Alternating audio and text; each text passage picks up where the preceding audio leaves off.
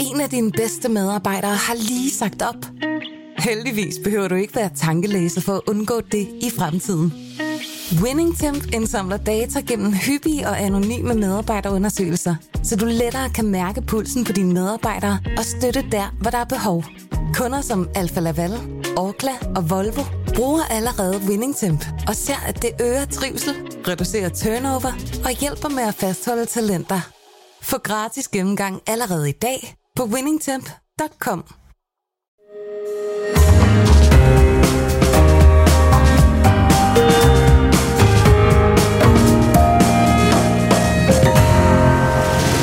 Du lytter til Korto og Steno, en podcast fra Berlingske. Det er en meget dårlig idé, lød det næsten samstemmende fra et stort flertal af de politikere, der skulle tage stilling til Reformkommissionens forslag om at afskaffe 10. klasse. Det var det helt store, øh, den helt store sag i går.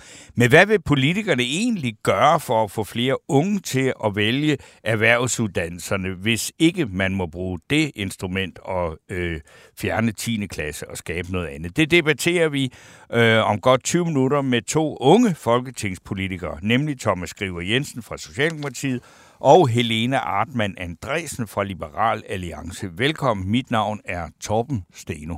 Og jeg hedder Jarl Kortua, og vi skal tale om øh, flere andre begivenheder på den øh, politiske scene i, i den her uge, øh, når vi undersøger, om der skulle være en oplagt modtager af ugens fidusbamse. Og sidder du inde med et godt bud, så skriv til os på vores Facebook-side, Korto og Steno, hvor der som altid er rum til spørgsmål og kommentar til det, vi taler om her de næste par timer. Men nu træder vi så ud på den helt store overordnede politiske klinge, og det gør vi i selskab med dagens første gæst, og det er journalist på Weekendavisen og forfatter til en ny bog med titlen En gang troede vi på fremtiden, hvordan, hvordan, hvordan vi gik fra optimisme til sortsyn, og hvorfor den, det kan redde os. Det, undskyld lige et øjeblik. Ja. Øh. Velkommen, Christian Bennicke. I din bog betegner du eller perioden fra 1994 til 2016 som optimismens tidsalder.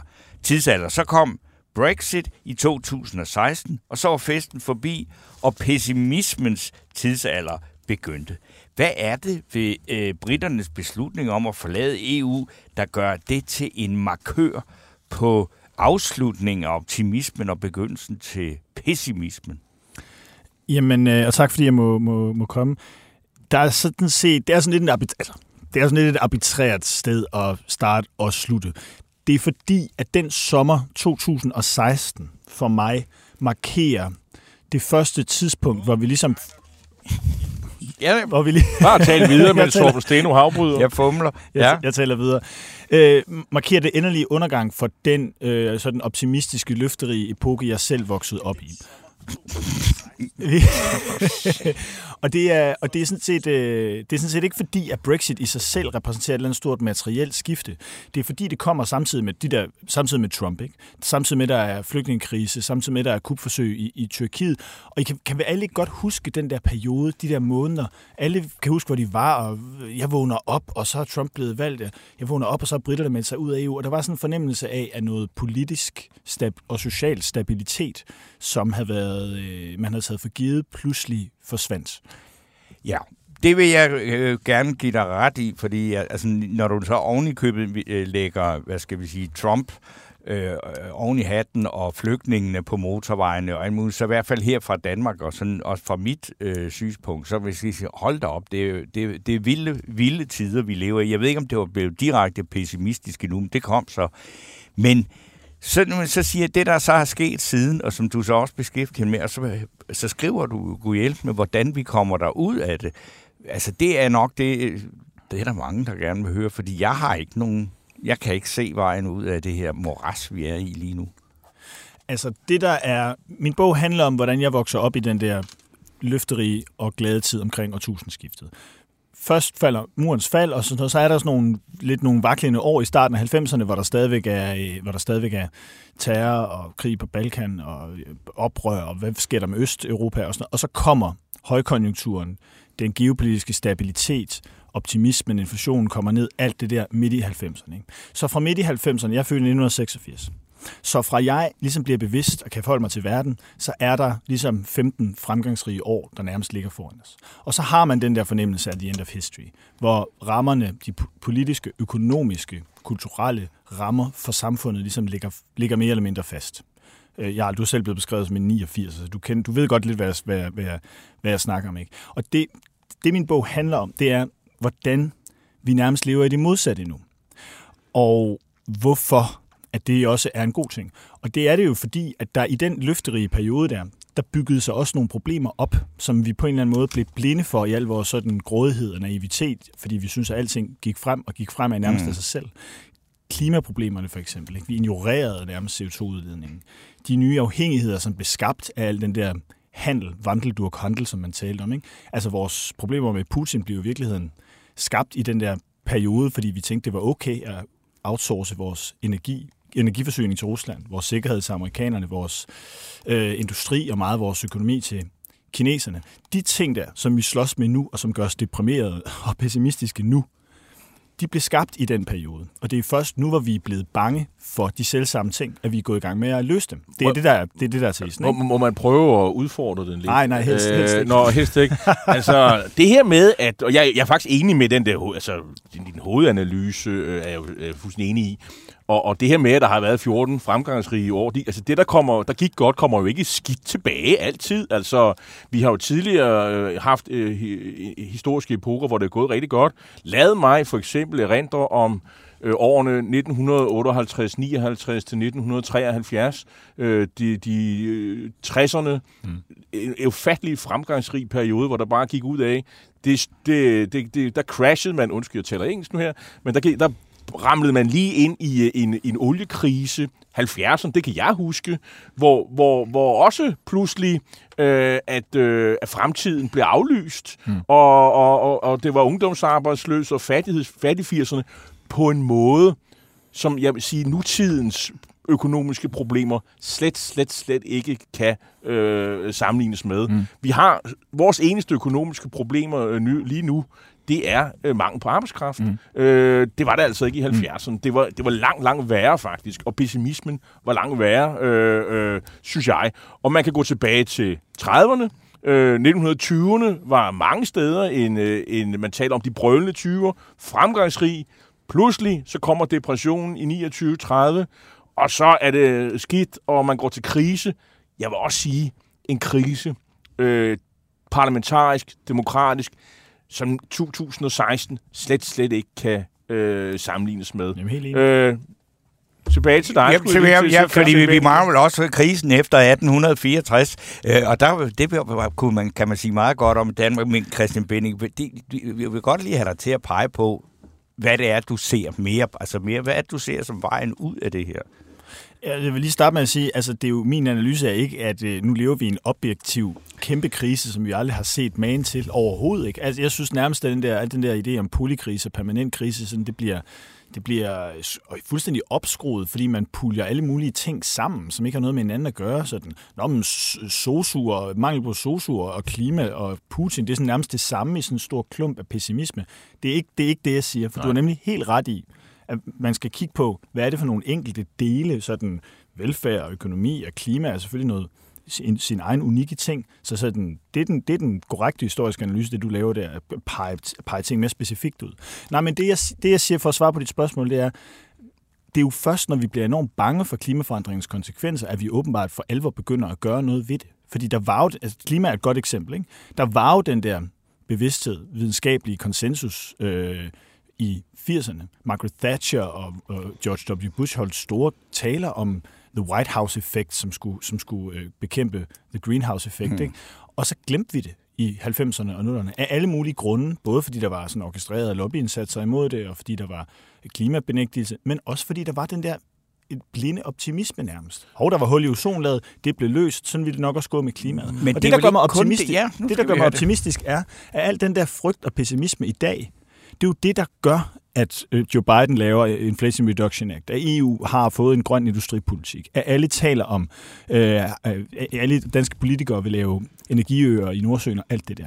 Så, så på den måde gør den der pessimisme, det er jo pessimismen, der får os til at handle, og det er det, der gør mig optimistisk. Mm, men så er der også, jeg vil sige, altså du det er jo bare så mig, der siger, at den her øh, fremkomsten, den her, og, og, der, og de nu... konsekvent, det er min telefon, jeg peger hen mod, som kan meget andet end at tale telefon. Mm.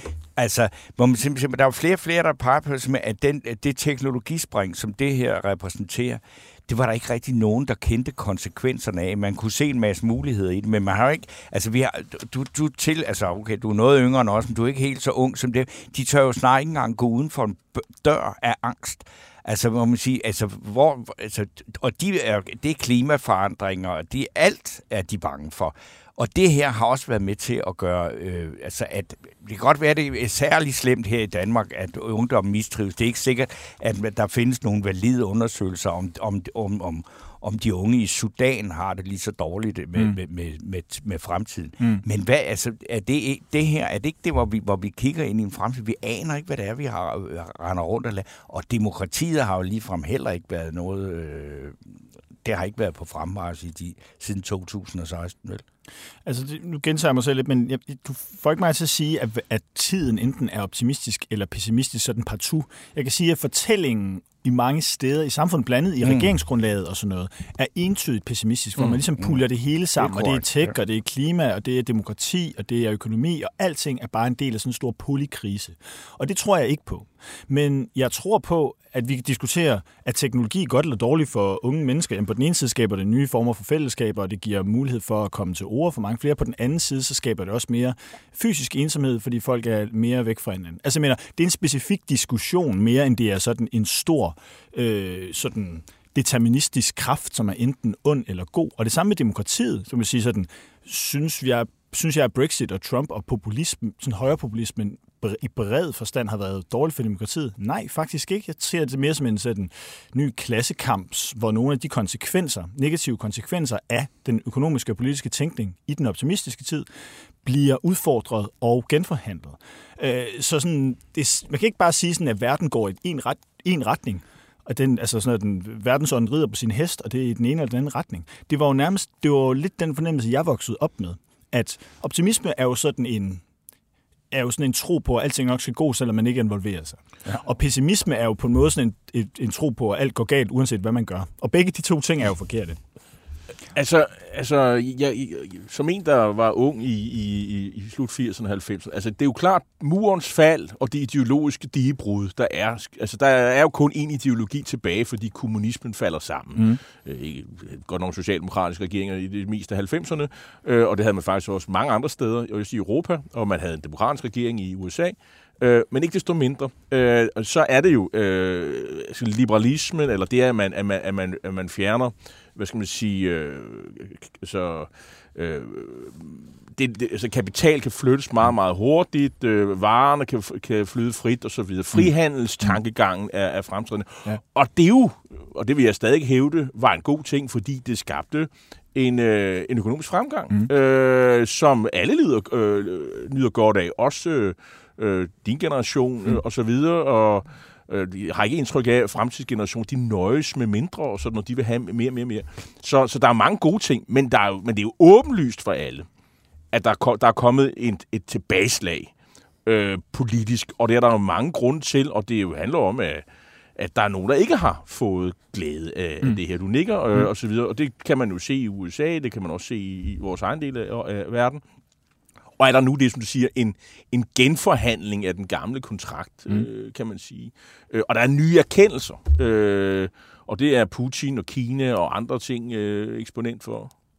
Helt bestemt. Nå, men altså, det, mit ærne er heller ikke, ikke engang at sige, altså, altså alt vi gjorde i 90'erne og 0'erne var forfærdeligt. Altså, jeg er ikke imod, altså, Kina kommer med i WTO i december 2001, ikke? Det kan man hvis det ville Trump sige var en forfærdelig ting, og sådan noget, fordi der var nogle arbejdervælgere i USA, som mistede deres arbejde efterfølgende.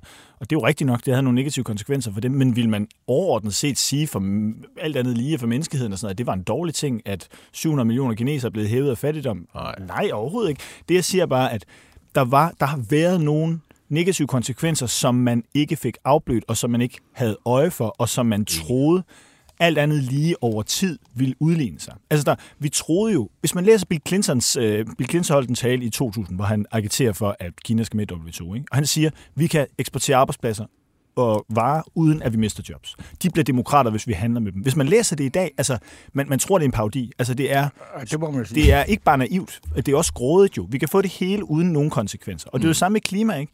Altså, sådan, vi kan blive ved... Det, fossile brændsler har jo skabt den her fantastiske verden, ikke? Det skal vi jo anerkende og løftet alle de her kinesere ud af fattigdom, men altså også ved at smadre naturgrundlaget.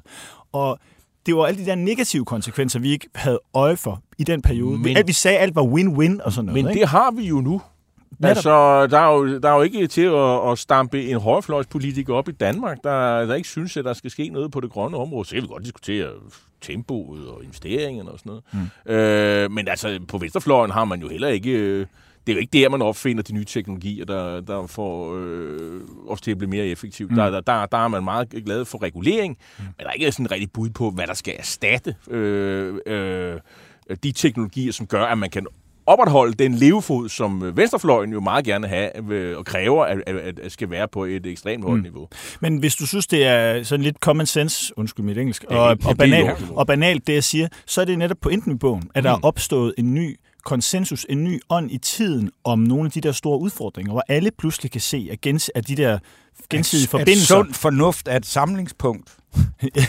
ja, det var altid dejligt. Men at de der gensidige forbindelser, uanset om det er altså fri bevægelighed for varer og kapital og information og sådan noget, ikke kun skaber fremgang, men også skaber nogle nye sårbarheder, afhængigheder, som vi er nødt til at gøre noget ved. Og det kan alle pludselig se. Men det var der, og det er derfor, jeg hele tiden siger, taler om den tid, jeg voksede op i, op i. For det kunne man altså ikke se dengang. Og hvis du kontrasterer de to tidsånder, som jeg kalder det med sådan lidt konstrueret begreb, op mod hinanden, så kan du virkelig se, hvor meget vi har flyttet os. Jamen, Ja, så er globaliseringens sårbarhed, det er den, vi har opdaget nu, ikke ved at vi er i krig, og altså, vi bliver nødt til, vi begynder at snakke om, at vi skal selv producere våben, vi skal producere mere mad, vi skal, vi skal simpelthen tage produktionen hjem, for vi kan ikke stole på, at vi kan få produceret det, hvor det er billigst. Og, og, og, og- det, det, det kan du godt se som også som værende noget positivt, altså at, at, at vi er blevet meget, meget mere, hvad skal man sige, knap så øh, drømmende omkring, hvad fremtiden eventuelt kan bruge. Det, vi, det er en meget forsigtig tilgang, vi har fået til verden nu, ikke? Jo, og det tror jeg da er godt, at vi har altså, suverænitet og kontrol og sådan demokratisk selvbestemmelse og af, af, øh, selvforsyning og sådan noget, så vi ikke er for sårbare. Det tror jeg da er virkelig vigtigt, at det kommer tilbage. Men det er også også vigtigt, som jeg kan høre, du også betoner, Jarl, at øh, vi ikke, pendulet ikke svinger fuldstændig over i den anden, anden side. Altså, det er jo ikke vi skal jo ikke, hvis vi slår vindebroen op, så taber vi jo alle sammen. Øh, så, så det er jo en... Så, så men aller, aller før, altså nu, er, nu har jo, bogen har vi her, og den er ud, udkommet i forgårs. Øh, er det korrekt? Øh, en gang troede vi på fremtiden, og hvordan vi gik fra optimisme til sortsyn, og hvorfor det kan redde os. Og ud, selvfølgelig udkommet på Gyldendal, hvor ellers skulle man næsten til at sige det som sådan en klog bog.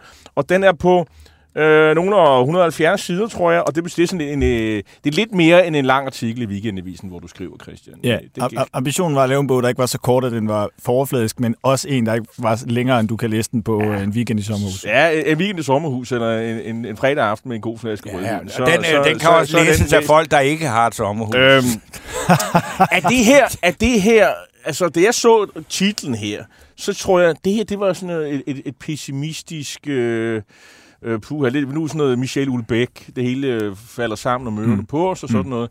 Men der er indtryk af, jeg har ikke læst det på, men jeg har læst nogle anmeldelser, det er ikke sådan der. Vi skal, der er også et, øh, et, et, et positivt budskab, hvorfor det kan redde os. Mm. Altså, vi skal bare lære noget. Det er vel det, det, er det der er budskabet? Øhm, jamen altså, med far, for, med far for at gentage mig selv, så, så er det, jeg, jeg siger, jeg tror, der er sådan en ånd i tiden, som, som bare siger, at det hele går over helvede til nærmest. Altså, og hvis du læser, prøv at læse starten af regeringsgrundlaget. Altså, de oplister bare alle de der kriser, sådan en efter en efter en, som om de nærmest var det samme, som om det hang sammen, og som om mangel på sygeplejersker var det samme som, øh, hvad hedder det, handel med ki- krisen med, med sådan masker under pandemien og sådan noget. Og de skal jo- lige, de skal lige præcis de to ting De hænger faktisk til, sammen. Undskyld de mig. skal jo finde grund til, hvorfor de gik sammen. Jo. Præcis. Ja, det bliver sådan en legitimerende fortælling for, for, for, øh, for, for regeringen. Men øh, jeg, jeg tror ikke på, jeg tror ikke på, at der er den slags sådan store sammenhæng, vi er, vi er indfundet i. Altså, der, der er specifikke udfordringer inden for specifikke områder, og der tror jeg, at noget sådan krisebevidsthed og pessimisme og frygt kan være godt nogle gange, fordi det får os til at se på vores position og ændre retning. Det blev det, Det det er- sidste det er ord for dig, ja, det Christian jeg- det er Benninge, jo- fordi vi skal skynde os Det videre. lyder næsten ligesom, øh, når man, når man taler om kapitalisme. Kapitalister, der opstår der kriser, og så finder menneskerne på nogle nye teknologier, der får os ud af kriserne. Det er jo sådan en, i hvert fald en af de fremtrædende teorier. Øh, tak fordi du kom, øh, Christian Benninge. Selv tak, det var en fornøjelse. En af dine bedste medarbejdere har lige sagt op. Heldigvis behøver du ikke være tankelæser for at undgå det i fremtiden.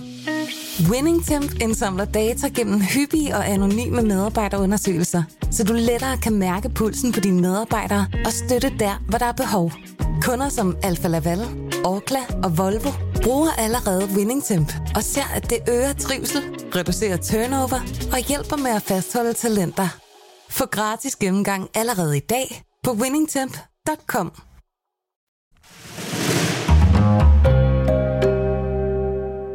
Ja, og øh, nu skal vi have dagens debat, øh, og den handler om, hvordan politikerne vil få flere unge til at søge mod erhvervsuddannelserne.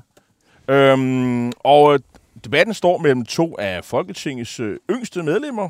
Det, og vi skal byde velkommen til den yngste. Det er dig, Helene Artmann Andresen. Øh, du er 21 sommer, står der i mit manuskript. Det er rigtigt. Ja, det er rigtigt, du bekræfter det. Men ikke desto mindre undervisningsordfører for Liberal Alliance. Og velkommen til dig. En anden kending i programmet, øh, Thomas øh, Skriver Jensen. Du er 27 sommer og erhvervsuddannelsesordfører for Socialdemokratiet. Og øh, nu kom Reformkommissionens forslag her i, øh, i går. Og det er jeg sikker på, at I så presmøde. Øh, og det her øh, forslag om at afskaffe 10. klasse, mm, ja, det, var, det gjorde de vel egentlig ikke. De sagde 10. klasse uden eksamen. Øh, sådan fik jeg hørt det. Men øh, allerede før, at Reformkommissionen faktisk præsenterede noget som helst, så blev det skudt ned øh, med hensyn til, at... Øh, der kunne ikke øh, røres ved 10. klasse. Og en af de få, der faktisk ikke afviste at, at røre noget ved 10. klasse, i form, det er faktisk undervisningsministeren Mathias Tesfaye. Og nu spørger jeg så dig, øh, Thomas Skriver Jensen. Hvad, skal, vi, skal vi gøre noget? Skal ikke, har regeringen planer om at gøre noget ved 10. klasse? Jamen, det er klart, du har jo hørt den der debat om efterskolerne, fuldstændig som jeg har. Og du har kigget på sociale medier og set et væld af politikere, der bare har lagt billeder op af deres tid på efterskole og fortalt, hvor fantastisk det var. Ja. Det synes jeg sådan set er... Altså, jeg synes ikke, vi skal ofre efterskolens 10. klasse på alderet. Jeg synes bare, der er bare en diskussion, vi bliver nødt til at kunne have med hinanden omkring efterskolen 10. klasse, som er det, der har været det store debatemne. Nemlig, at når det handler om at vække unges interesse for erhvervsuddannelserne, så er de jo pivringe. Altså, folkeskolens 10. klasse, den lever jo faktisk op til det der 30% mål, vi havde sat. De optagetal, der kom her for et par uger siden, de viste jo, at en 3-34 procent af 10. klasse elever fra folkeskolen, de søgte mod en erhvervsuddannelse. 15 procent fra efterskolerne. Det problem, det synes jeg bare, vi skal tale om. Jeg hører ikke nogen, der siger, at vi skal ofre 10. klasse, men kan vi gøre det lidt mere praksisrettet? Kan vi give lidt bedre muligheder for at komme ud og, og, og møde erhvervslivet? Kan vi gøre et eller andet for at gøre 10. klasse noget bedre? Så synes jeg, vi gøre det. Uh, I Liberale Alliance, der er indtryk af, der er, tænker I ud af boksen, I er kreative, og, og Liberale Alliance, der ligger sådan noget, det er jo sådan et reformparti, har jeg, har jeg indtryk af. Det er ikke sådan noget stillstand af noget skidt. Der skal ske noget nyt. Uh, du tilhører en ny generation, Helena. Uh, men jeg har indtryk af, at I siger, I siger nej, eller, eller har jeg misforstået noget? Altså, vi hilser Reformkommissionen hjertelig velkommen, og der Det er er, godt. virkelig nogle gode ting i. Men lige der omkring øh, 10. klasse, det er vi ikke så glade for, fordi at det er et rigtig vigtigt år for mange, der måske ikke lige helt er klar over, hvad de skal, eller at de skal hæve deres snit til at, at komme på gymnasiet. Og vi har også den politik, at man skal hæve adgangskravet til gymnasierne. Jeg synes ikke, at vi kan være bekendt, at man ikke har muligheden for at, at hæve sit snit øh, med en 10. klasse. Men, men hvis man nu fortsætter med 10. klasse øh, uden eksamen, øh, så- fordi sådan forstod faktisk af, af, af Det, reformkommissionen. det er kun på efterskolerne, at de vil fjerne Okay, det øh, almindelige, eller 10. klasse skal jo så afskaffes. okay. Øh, men det er kun ved efterskolerne, at man vil fjerne eksamen, og så skulle det blive til sådan en højskoleår. Men hvorfor, altså, kan du ikke se nogle muligheder i, at det, som vi nævnte med, altså at sige, lad os nu prø- prøve at tænke det om, det her, og lade være med at, at, at helliggøre det der 10. klasse. Jeg, altså, jeg kan se mange gode dele i, i HPX'en, de ligger frem, øh, og den øh, er egentlig også meget... HPX'en, det skal vi lige have gjort til øh, forståeligt Ja. dansk. Det er en højere praktisk øh, eksamen, Ja. hvor at det er en del af 10. klasse, der ligger i, og en del af grundforløbet på HF og på øh, erhvervsuddannelserne. Og så er det en toårig uddannelse, der sådan skal ret øh, mod erhvervsuddannelserne. Og jeg synes, ideen med den er god, fordi der er jo mange, når man er 15-16 år, der ikke ved, at de lige vil være elektriker, frisør, eventkoordinator. Så jeg synes, at det... ja, men, øh, Ja, ja, ja, ja, ja, men der kan jo blive mange ting med en erhvervsuddannelse, øh, som de ikke ved, og der synes jeg, at det måske er meget godt at have to år, hvor man kan modnes og blive peget i en retning. Hvad siger, hvad siger du til det, øh, Thomas? Ja, der starter en proces nu, og en politisk diskussion af den der HPX, og der synes jeg, det er vigtigt, at vi lytter til alle dem, der siger noget. Altså, jeg har jo sikkert lagt Det gør Helene, kan du Ja. Lyt til mig. Jamen, det, jamen, det lytter jeg gerne til. Der er også nogle, øh, nogle parter, altså arbejdsgiveren synes jo, det er en forfærdelig idé, fordi ting, så tager det et år mere for unge mennesker at komme igennem ungdomsuddannelsessystemet, inden man ligesom kommer videre.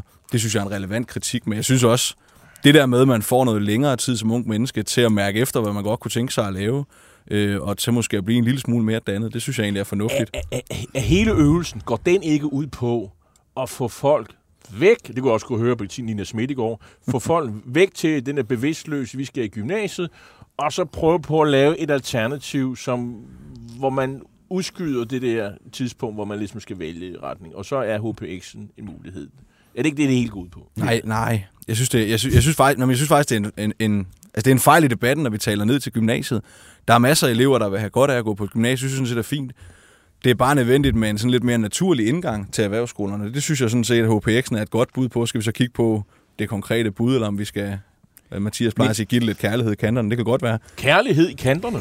Nu får du lov at starte, øh, Thomas Skriver Jens, fordi du har været her, fordi du har altså, du er meget engageret i det der med at få de her øh, erhvervsuddannelser talt op og få nogle flere til at vælge dem. Hvis du, hvis du fik helt diktatorisk magt, hvad vil du så gøre? Altså, jeg, jeg, synes, det, jeg synes, det er meget interessant, at man kan øh, stille spørgsmålstegn ved, om alle har brug for 10. klasse mm. på den der måde, og om hvorfor at det, skulle, at, at det at gå på efterskole, som, som, som værende simpelthen, det er, det, det er det, simpelthen det bedste. Jeg tror næsten ikke, man kan få et godt Mm. liv, uden at man har været på efterskole. Sådan lyder det i de her dage. Men det er fordi mange af dem, øh, hvis børn skal på efterskole, det er jo typisk øh, børn af folk, der... Altså det er i hvert fald ikke de lavest øh, og Nej, dårligt stillede i samfundet. Så Altså- det vil ofte være dem, der har adgang til en mikrofon, og så er det som regel det, vi diskuterer. Ja, altså, der er, et ikke, der er ikke så mange problem. af dem ude fra Vestegnen, vel, der Nej, skal er- hjem nej, i er der weekenderne fra efterskole. Det er der jo ikke, og det er da et problem. Øh, og det, og det, det synes jeg faktisk også, altså, måske ikke lige i forhold til det her, men det er også en diskussion, vi skal have med efterskolerne på et tidspunkt. Altså skal det også være et sted, hvor børn af indvandrere, børn af lavindkomstfamilier, de kan få lov til at komme Ja, ja, hen, altså, det, det er for dårligt øh, i Kommissionen har dag. foreslået, at, at øh, hvad skal man sige, prisen skal sættes op for dem, der har til, altså, øh, for at gå på efterskole. Ikke? Hvad Mhm. siger I til det? Det må Øh. Liberale Alliance. I har mange velhavende vælgere. Det må det Vi er også helt, mange helt almindelige middelklassesvælgere. Men øhm, nej, altså jeg synes, at det er, er forkert, at man vil gå ind og, og rykke på, at man vil gøre det billigere i 8. og 9. Fordi at det er der, man mener, at øh, øh, elever skal gå i efterskole, og så vil man gøre det øh, 30% dyrere at gå der i 10. klasse. Det synes jeg er forkert, og det er jo også langt de fleste, der vælger at tage 10. klasse på efterskolen, fordi der er jo noget det der med, at man rykker ud af folkeskolen, og så har man en eksamen, og det er nogle andre lærere, og så jeg kan sagtens forstå, at der er flest, der helst vil gå på efterskole i 10. klasse. Jamen altså, det, det er jo svært at forholde sig til. Øh, jeg tror, jeg synes ikke, det gør så meget for nogle grupper, hvis det bliver lidt dyrere at gå på efterskole, så jeg skal være helt ærlig. For nogle grupper. Til gengæld kan det være, som jeg sagde tidligere, at, at det skal have lidt kærlighed i kanten, sådan så der er nogen, der ellers ikke vil komme på efterskole, der får lov til at komme på efterskole, og uden at skulle stå sådan og lave, og lave politik øh, sådan fuldstændig live. Det plejer vi jo. jo, det vil være frem. Ja, det, det kunne vi godt Det er tænke. det politiske værksted, Ja, ja, det og er Steno. Og, Ja. Det er simpelthen her, vi udvikler landets fremtid. Det synes jeg er fornuftigt nok. fuldstændig rigtigt. Ja, ja. Men altså, men, altså, det, det synes jeg bare godt, vi kan diskutere, om ikke man kan gøre det lidt bedre, sådan, så der er nogle flere, der ellers ikke vil have kommet på efterskole, der kan det. Altså Ja, for faktum er i dag, det er skat. meget dyrt jo. Altså, Og der kommer lidt mindre i skat. Ja, det er klart. Ikke noget program, uden at vi skal betale lidt mindre i præcis. Nej, skat. nej, men, men, men vi, vi, det er helt fint, at der skal noget mindre i skat, men tror du faktisk helt alvorligt på, at en skattesænkning ville ændre det billede af, hvem der kommer på øh, efterskole? Det kan du ikke helt alvorligt mene. altså jeg håber, at der er flere, der vil, hvis de mener, at det er det bedste for deres barn, og har noget mere i rådighedsforløbet, at de så vil sætte deres øh, barn først. Altså jeg har jo ikke nogen beregninger. Jeg kan jo bare håbe, at jeg tænker, at forældrene de vil det bedste for deres børn. Og hvis de har større rådighedsforløb, og deres barn ønsker at komme på efterskole og få den dannelse, der følger med, at de så vil gøre det. Okay. Ma- Martin uh, Sibast Laugesen, en af vores lyttere, skriver, introduktionen til, hvad man kan med en erhvervsuddannelse, skal komme meget før øh, 10. klasse. Den skal komme allerede i 7. til 9. klasse. Hvad, hvad siger du til det, øh, Thomas Skriv Jensen? Jamen, øh, det, synes, det, det synes jeg lyder fornuftigt. Nu, nu vender jeg bare lige tilbage til det, Torben han sagde mm. før, for nu gav han mig jo diktatorisk magt. Det skal man, ja, jo. det skal man ikke gå fra sig, hvis man endelig får lov til det, også? Det synes jeg er rart. Altså, jeg tror, når vi tager den her diskussion om erhvervsuddannelser, så debatten den bliver, bliver viklet sammen til noget, den ikke er. Der er to diskussioner, vi skal tage grundlæggende. Så er der en, der handler om frafald på erhvervsuddannelser. Det er jo ikke folkeskoledelen, men frafald. Den handler om det økonomiske løft. Skal der flere penge til erhvervsuddannelser? Det er den ene. Så er den, der handler om, hvordan får vi gjort noget for optaget. Det er jo der, vi skal gøre noget strukturelt. Hvis jeg kunne få diktatorisk magt, så vil jeg ændre en lille smule på rammerne. I øvrigt også ud fra noget, der står i Reformkommissionen. Altså, jeg synes for eksempel, det er fuldstændig vildt, at vi har en grundskole i dag, hvor 4 ud af 10 elever ikke kommer i erhvervspraktik. Det er jo helt vanvittigt. Det synes jeg, vi skal have gjort noget. Jeg synes, vi skal lytte til Hvad, hvad Reformkommissionen. er grunden til det? Jamen det er jo fordi, sådan som det er i dag, nu har jeg jo haft et par erhvervspraktikanter inde på Christiansborg, så skal man jo faktisk sige farvel til en uges undervisning ude på sin, altså i sin klasse for at komme i erhvervspraktik. Altså det vil jo være de ressourcestærke elever igen, der kan det, og stadigvæk være med i timerne, hvorimod dem, der måske hænger lidt i bremsen, det er altså svært at tage sådan en uge. Det synes jeg, vi skal gøre noget ved, så man sige, det skal selvfølgelig være op til skolerne, Hvordan? at vide, hvornår og Jamen, hvordan. ja, fordi det, det må man lave et indgreb for at få det til ja. at fungere. Der kan man også sige, der kunne man måske også begynde at blande sig lidt i at sige, hvad skal den praktik bruges til? Så start med at sige, der er ingen grund til at rende rundt en hel uge inde på Christiansborg, for der kommer du alligevel ikke til at arbejde. Så der skal vi have nogen Nej. ud og være tømmer og, Nej, eller lave det sådan lidt mere strukturelt. Altså, ja, noget af det, jeg kunne tænke mig at tage op med præsidiet, hvis nu skal... Altså, det er jo, når vi laver de der praktikforløb, så er det rigtig meget op til, til os politikere, hvordan vi vil strikke det sammen. Det kan man godt gøre klogere, det kan man også ud på virksomhederne. Altså, der er jo andre end politikere inde på Christiansborg. Der er også HK'er, der sidder og, og passer telefon og laver kalender. Der er journalister, som render rundt øh, ja, og, og laver journalistik. Der er jo politikere. Helena Artmann Andresen, ja. Hvad, hvad siger du til alt det der? Fordi det der praktik, det, det kan man jo sige, det er jo ret, øh, ret væsentligt, at man kommer ud og oplever, hvad, hvad det vil sige. altså, jeg synes, at obligatorisk øh, praktik, at det er en god idé. Jeg synes, at man skal nogle gange, når man taler om det her med, at vi skal få flere i erhvervsuddannelse, og vi skal putte mere af det ind i grundskolen, jeg vil bare lige advare imod, om at man ikke skal begynde at putte beskæftigelsespolitik ind i grundskolen. Grundskolen skal handle om dannelse. Og så er der nogle ting, man skal tage fat i, som for eksempel vejledning i 7. klasse, at man allerede går ind der. Men måske ligger det væk for skolerne. Man har hørt mange historier om UU-vejledere, der desværre overhovedet ikke løfter deres opgave ordentligt. Måske kigger på, at det skal være den lokale håndværkermester, nogen for erhvervslivet. Der skal måske også sidde en UU-vejleder og andre, øh, så man simpelthen får de her historier væk med, at du har høje karakterer, så du skal ikke på en erhvervsuddannelse. Altså, dem hører man skrækkeligt mange om.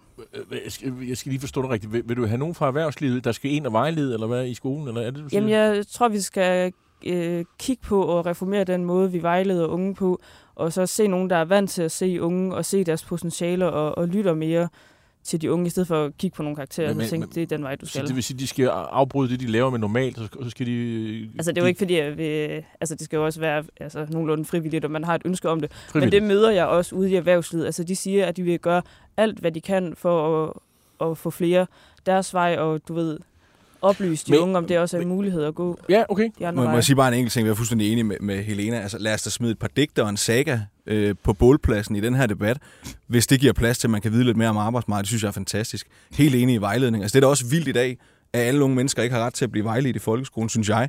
Altså, tænker, det, det vi jo siger, det er, at hvis man er 12-talselev i grundskolen, så har man ikke lov til at være i tvivl og blive vejledt individuelt. Det synes jeg er et helt vildt princip. Så et svar på dit spørgsmål, sådan nogle helt grundlæggende ting, erhvervspraktik, praktiske fag i folkeskolen, også, altså, også praktik i de boglige fag, mm. vejledning, hvis man er i tvivl, det er sindssygt vigtigt. Men det er ikke det, der er det vigtigste i den her debat. Det allervigtigste i den her debat, det kommer til at blive det, der sker ude lokalt, for ellers så nytter det ikke noget, det vi beslutter inde på Christiansborg.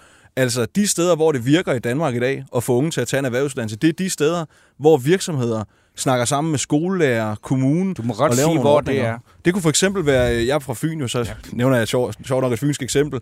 Det kunne være Jeros i Ringe. Altså, jeg har været med ude sammen med en 5. klasse, der havde praktisk matematik ude på en virksomhed, var rundt og, og møde nogle lærlinge, lavede interviews med de lærlinge. Alle unge mennesker i Ringeby kender Jeros, fordi de tager ansvar. Der er over 30 procent i Forborg Midtfyn Kommune, der vælger en erhvervsuddannelse, og det synes jeg bare, vi skal lytte til. Det er det, der virker. Vi skal lige have nogle lytter med her. Martin Sibas Laugesen er, tilbage igen, og han, han, jeg tror, han har lidt fordom. Han siger, der skal ikke drive socialdemokratisk fordelingspolitik med efterskolernes. Øhm, ja, nu prøver vi at se, hvad, hvad, hvad regeringen spiller ud med til sin tid. Olav Overgaard Nielsen, øh, som er en moden herre, han har også erfaringer fra et langt liv. Han skriver, jeg forstår ikke den begejstring for efterskoler. I min familie røg tre på efterskole, og det lærte to af dem at ryge af.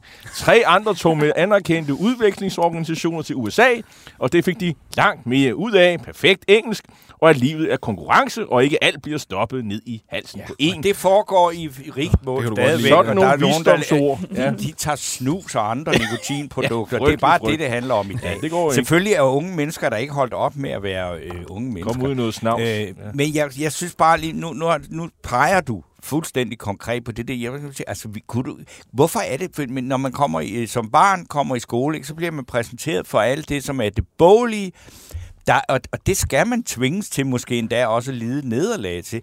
Kunne man ikke bede nogle af de boglige også om at, altså, at tvinge dem i højere grad til at tage stilling til, hvad de håndværksmæssige fag er? Fordi at øh, alle ved jo i dag, at altså, at være, øh, et, have et, tage en erhvervsuddannelse og have et håndværksmæssigt fag, det kræver ret store boglige færdigheder også. Mm. Men der er enormt mange, der slet ikke har mødt det der, at man kunne gøre noget af det. Og jeg ved godt, at Liberal Alliance på jeres liste over tvang er jo ikke lang, men altså... Øh, men hvad, hvad gør man? Altså, jeg, jeg, Altså, jeg tænker, at man skal have sådan noget som at, at sætte øh, valgfagene øh, fri, så at man kan komme ud på nogle øh, virksomheder og have nogle øh, valgfag.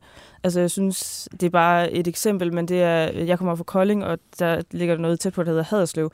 Og der er der en øh, lokal øh, tømmer, han er simpelthen startet op, at man kan gå til tømmer i sin fritid, og der er 10 drenge, der går der hver torsdag, og er utrolig glade for det, og når du spørger dem, hvad skal de være, når de bliver store, så svarer de alle sammen tømmer. Altså, det er jo sådan nogle ting, der er fantastiske, og jeg tænker, at man bliver nødt til at sætte nogle valgfag fri, fordi de er blevet meget bundet op.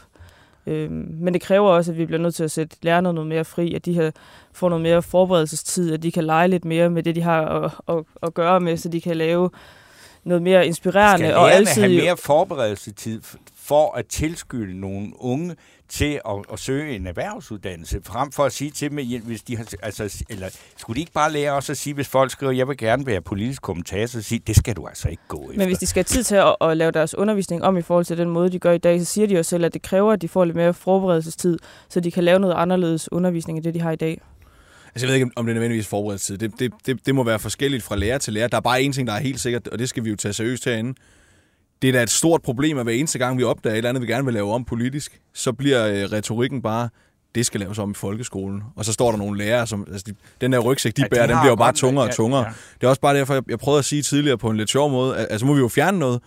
Og jeg siger, jeg, jeg fjerner gerne et par digter og en saga fra noget dansk undervisning, hvis det betyder, at der er mulighed for at lære noget praktisk.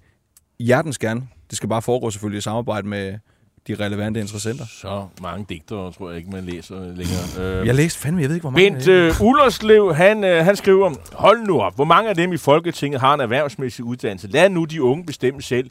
En. Jo, jo, jo, jo der er der en en. enkelt her, og, og, Hvem er og, hvad den med dig, anden? Helene? Har du Ja, nej, jeg har en, øh, en, en gymnasiel uddannelse, og det... det? De fleste. Jamen, som det de skal du da fleste. heller ikke være ked Jamen, af. hun har jo arbejdet, Nej. vil jeg bare lige sige. Altså, Undskyld. Ja, ja. Nu- Helene har ordet.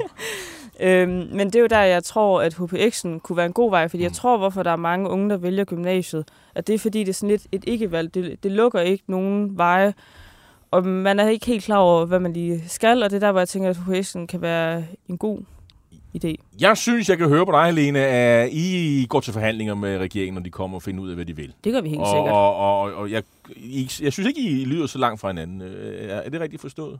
Det er rigtigt forstået, mm. så længe vi bare husker, at, øh, at øh, folkeskolen skal handle om dannelse og ikke arbejdsmarkedspolitik. Og hvad siger du? altså, jeg synes jo, arbejdsmarkedspolitik, det er jo en del af dannelsesbegrebet. Altså, det, det er sgu da helt vildt. Vi har et uddannelsessystem i dag, hvor man kan gå fra 0. klasse til slutningen af en kandidat, uden i princippet nogensinde at behøve at møde arbejdsmarkedet. Det synes jeg er helt vildt. Det men, så mener jeg ikke, man er Men jeg dannet. mener bare, at man skal ikke præge i øh, folkeskolen til, at man skal tage en erhvervsuddannelse, eller til man skal tage en Tak. gymnasieuddannelse. Tak fordi I kom, øh, Helena Artmann fra Liberal Alliance, og til dig, Thomas Skrive Jensen fra Socialdemokratiet.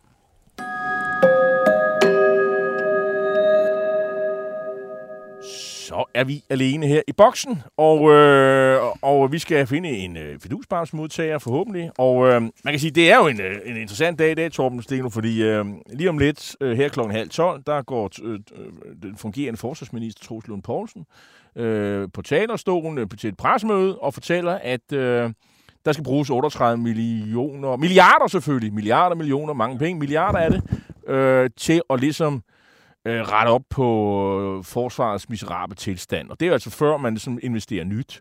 Øh, det er godt nok mange penge. Øhm, og det her, det er jo, har jeg ligesom, som jeg forstår, det er jo ikke drift, det er bare ting, der skal gøres nu, for at rette op på kaserner, for alle de ting, der ikke fungerer. Øhm, det er, det er godt nok mange penge. Øhm, men må ikke han øh, får øh, mulighed for at få de penge, øh, da regeringen har jo sit eget flertal, kan man sige. Ja. Men, men jeg har svært ved at se, at de konservative skulle sige nej til det, Liberale Alliance. Nej. Det, øh, det, er de, det er vel bare til lommerne at finde pengene, og så se at komme Er det ikke bare det? det er en folkesag øh, Ja, det, det må jeg sige. Der er ligesom ikke rigtig noget alternativ. I hvert fald i min lange levetid har forsvaret og forsvarspolitik aldrig nogensinde været så på det. Men, øh, og så øh, kan man sige, øh, onkel Reje, øh, han, øh, min, søn, han, øh, han, han øh, gik meget op i onkel Reje for sådan cirka 10 år siden, da han var lille. Øh, måske 8 år siden. Øh, han, han, han, er, han er ligesom kommet i fedtefad, og, og der er ligesom nogen øh, sådan på nyderste højrefløj, der er efter ham, Torben. Ja, altså jeg fatter det ikke. Eller man ved jo ikke, hvem det er, der har indledt den øh, shitstorm, eller hvad man skal sige, øh, altså krig mod onkel Reje på sociale medier. Som er lidt ulækker, han går ikke i bad. Så nej, altså han er jo en figur, ja. øh, som børnene godt kan lide, og altså jeg er så gammel, og jeg har, at jeg, jeg ikke engang har børn, der har kigget på det, men, men jeg ved godt en lille smule om, hvad det handler om, men det er jo helt vildt, altså at der kan sættes en sådan en aktion imod den her mand og chikanere ham så meget via sociale medier og andre øh, beskidte beskidte tricks, at han nu er sygemeldt øh, og ikke kan øh, tage de arrangementer, han har forpligtet sig til rundt omkring, blandt andet Døllefjælde Musse, og jeg ved ikke hvad. Der er mange steder, hvor han er, har måttet trække sig. Og det er helt vildt. Altså, man ved jo ikke, hvem det er, men man ved, hvem der sympatiserer med det. Og det synes jeg jo er interessant i en tid, hvor øh, vi jo øh, også følger, hvad skal man sige, nedsmeltning i øh, nye borgerlige, som øh, med Lars Bøje Mathisen, som jo kun nåede at være formand for partiet i nogle få uger. Øh, og indtil det, der var der, havde vi jo også øh, sagen om deres næstformand, eller næstfor kvinde, nej, det må, hun hedder nok næstformand, det er selvom hun var en kvinde, øh, som øh, blev smidt ud af partiet. Og, og der, hvor man har alle, hvad skal man sige, de mest vilde øh, konspirationsteoretikere og antivaccinations... Øh, grupperinger, det er blandt borgerlige, eller nye borgerliges øh, kernevælgere.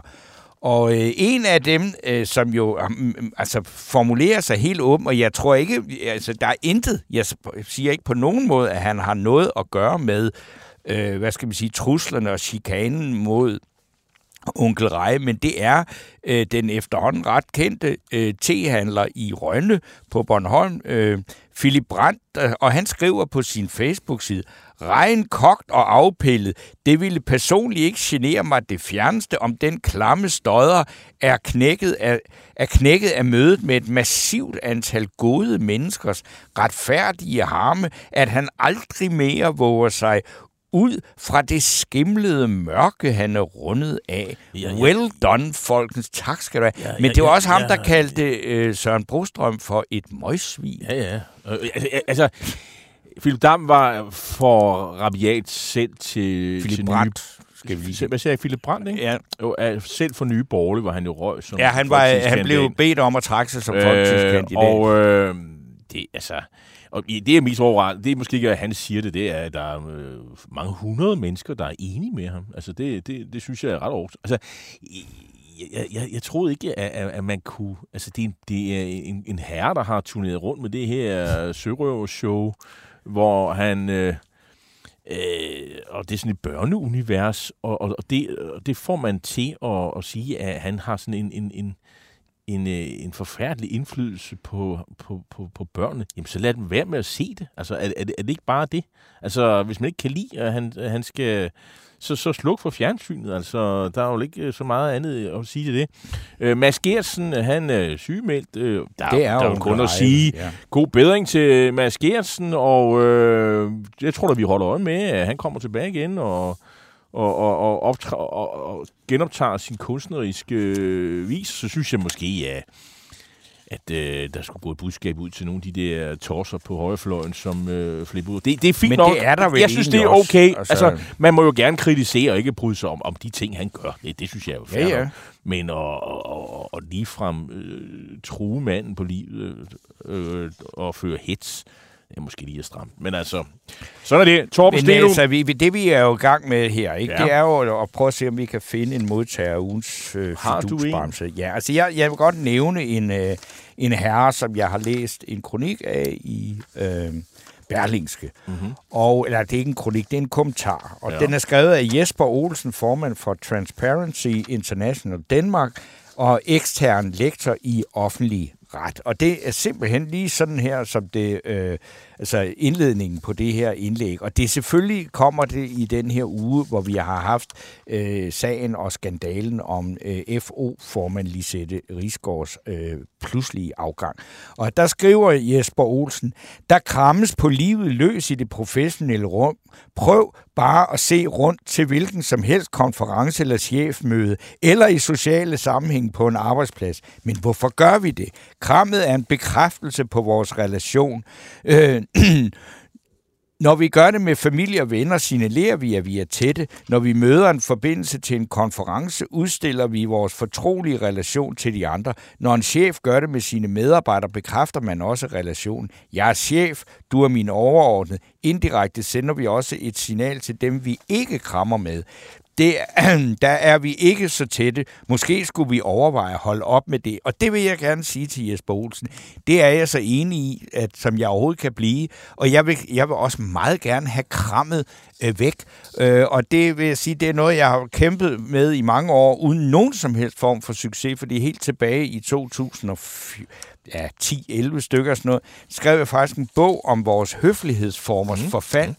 Og øh, der var, der var et af de ting, som jeg var inde på der, og talte med flere om, det var det der med, at krammet er blevet det her tvangsjovialiserede kultur, den her øh, kultur, vi har, hvor vi er blevet så tvangsjovialiseret, at alle skal kramme med alle, og derfor er krammet blevet til fuldstændig værdiløst, fordi jeg, man kan sige, at en gang var det sådan, at når man krammede nogen, og man lå andre folk se det, så var det netop fordi, man understregede, at her havde man en særlig varm relation. det er Men nu er det blevet til, det er blevet devalueret sådan, at hvis man, jeg for eksempel, jeg gør det ikke med nogen, jeg holder af, fordi så vil det jo bare se ud som om, at det overhovedet ikke betød noget. Og det er jeg glad Mens for, at, at, at, øh, at øh, dem, som man øh, altså ikke krammer med, det er faktisk øh, det, det er dem, man respekterer. Og det er jo på den måde helt sindssygt. Og der kan man sige, at, at øh, Lisette Risgaard jo selvfølgelig også, i, for, for- fordi meget kan man sige om, men hun vil jo også gerne være bare sådan en rigtig dejlig øh, kvinde, har- som vi øh, sætter stor pris Jeg på. har, Og hun været, jeg har været på krammet med, med Lisette Risgaard. Hun Det giver- er jeg hun- meget, meget hun glad for, at jeg ikke har nogle, været. Hun giver nogle rigtig gode,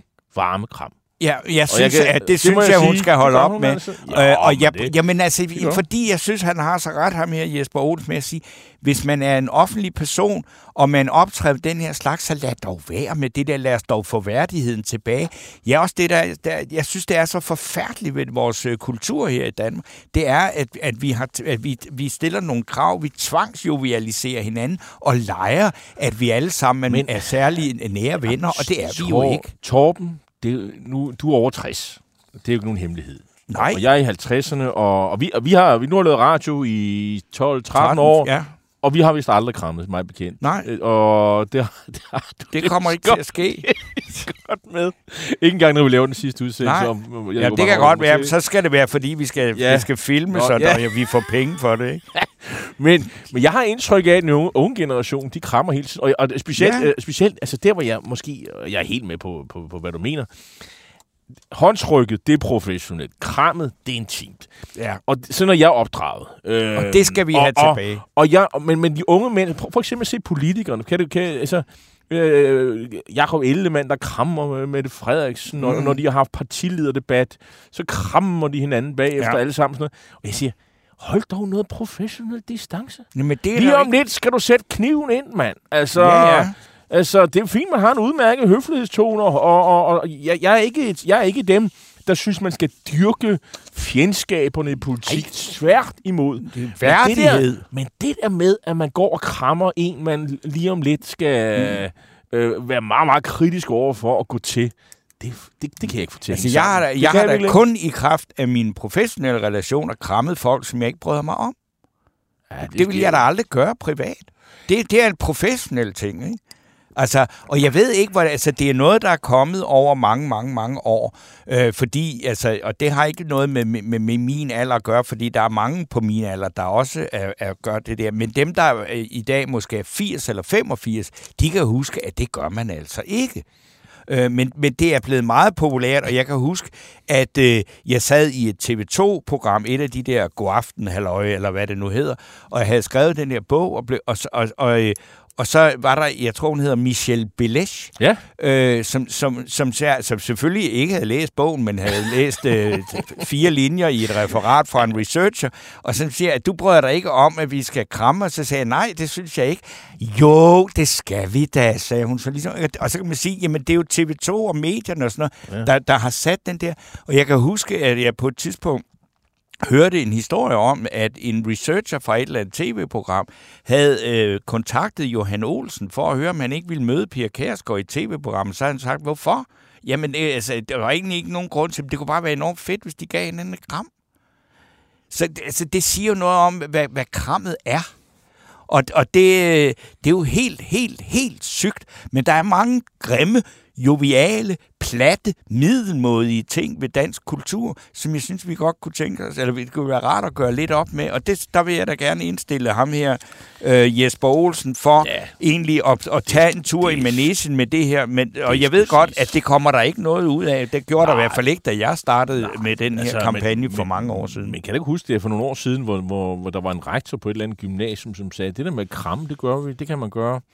Og der var sådan en krammefri zone, mm. og det vil sige, at der er man kunne kramme om, om morgenen, og så, om, og så eftermiddagen. Men indimellem, det der med, at man skulle kramme øh, i, i hvert frikvarter og sådan noget, det gad de simpelthen ikke se Nej. på mere. Og hvis ikke man havde fået et kram, så sad folk og var helt utrøstelige, fordi nu, nu kunne de ikke lide dem længere og sådan noget. Men det, det er da klart, at vi skal ikke lovgive imod det, men vi kan jo godt prøve Nej. at bekæmpe det. Men man kan jo måske være, at man kan lave sådan nogle skiltninger Jamen, det er rundt jo- omkring, ligesom står, her må du det ikke ryge, ligesom- så står der ingen kram Det er, her. jo, det er jo ligesom mi, mig og mit korstog mod øh, anglicisme og engelsk i det offentlige rum. Altså, jeg synes ikke, man skal lovgive om noget som helst. Jeg synes bare, man skal...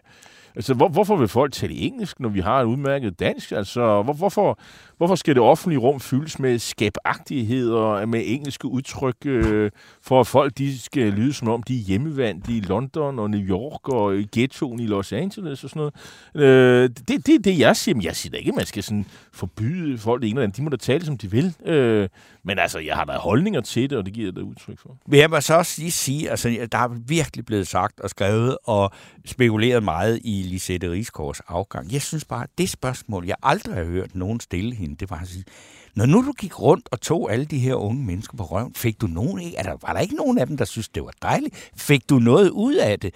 Altså, fordi der må jo være en grund til, at hun øh, åbenbart render rundt og tager lidt på folk, når hun har fået en lille en. Og jeg tænkte, det er en 62-årig kvinde. Jeg vil bare, jeg kunne, det kunne jo godt være, at der var en, der, der synes, det var da dejligt. Altså, øh, men det, er, de det er der har- ikke nogen, der har tur at spørge Ej, en der, er jo, kritisk der, er jo ind en del, der er jo en del, der har sagt, at de følte sig ikke krænket. Jeg har da også talt med en enkelt, der... Jamen, du der, tog dog ikke med hende hjem, vel? Altså, og hun var heller ikke havde hånden på røven. Nej, altså, jeg, jeg, jeg, altså, prøv, jeg har fået bjørnekram over på, på folkemødet. Altså, Ja, og og jeg, det der er var jo jo det, mange man- rej. Altså, min, jeg, måske er jeg også lidt, øh, jeg, jeg er måske også lidt afpillet. Øh, du ved, sådan rent. Jeg er ikke, jeg, jeg, jeg er ikke så ung. øh, Nej, men, jeg, men været. jeg tænker... jeg er ikke så det- smækker, som jeg, jeg var synes jo, det er interessant, altså, fordi ligesom Harvey Weinstein og alt det der med ham, øh, han, han fik jo noget ud af det, okay. fordi han var i en position, Åh. hvor kvinder måske gav efter for de der tilnærmelser, ikke? Øh, og, og det kan, men jeg tænker, Jeg synes jo altid, at hvad skal man sige, ældre kvinders seksualitet er voldsomt interessant. Jeg synes jo og, bare... Og, og det, det, vi har Torben, ikke hørt Torben. noget om, der, hvor, hvorfor gør hun det? Jamen- Fordi hvis, hvis hun alligevel aldrig får noget ud af det. Altså, som jeg har indtryk af, så er vi ude sådan en Morten, Morten Østergaard-situation. Lidt snart der kommer noget ind for, for Vesten, så, så bliver hun mere kærlig, end, der måske, End godt er. end det måske sømmer sig for en, en FH-formand.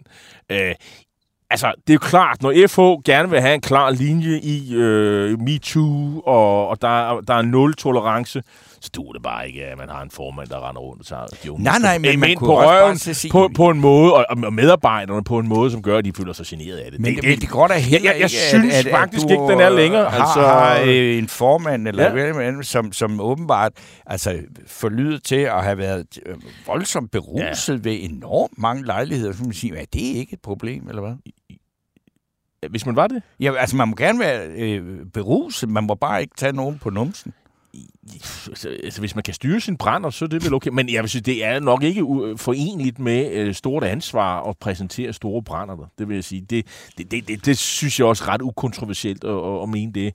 Det er jo derfor, cheferne, når, når der er julefrokost øh, mange, mange først. steder, øh, det er så snart, der, du ved, man rejser sig fra bordet, så tager de måske en enkelt, og så er de på vej ud af røret, og så må de... Så, altså, det, det er øh, den, den gode stil, ikke? Øh, det, det, det må jeg sige. Nå, Torben, Ja, jamen altså, Øhm. vi, vi, tiden er ved at rende ud her i første afdeling, ikke? men altså, jeg vil så sige, altså ikke Jesper andet, så har jeg nomi- nomineret Jesper Olsen, formand for Transparency International Danmark, øh, for, at, at, for det indlæg om at få krammet ud af det Og- professionelle rum. Vi går videre med Bamsen i næste time, og lige nu tager vi en lille pause. Når vi er tilbage, så skal vi tale med tidligere udenrigsminister Per Stig Møller om, hvordan øh, konservatismen, øh, som jo er hans, øh, den ideologi, han har abonneret på gennem et langt liv, giver mening i dansk udenrigspolitik nu om stående. Og så får vi besøg af medlem af Reformkommissionen, professor i økonomi og prorektor ved Københavns Universitet. Øh, og så har du skrevet manus, sikkert, manus sikkert for at drille mig, University of Copenhagen.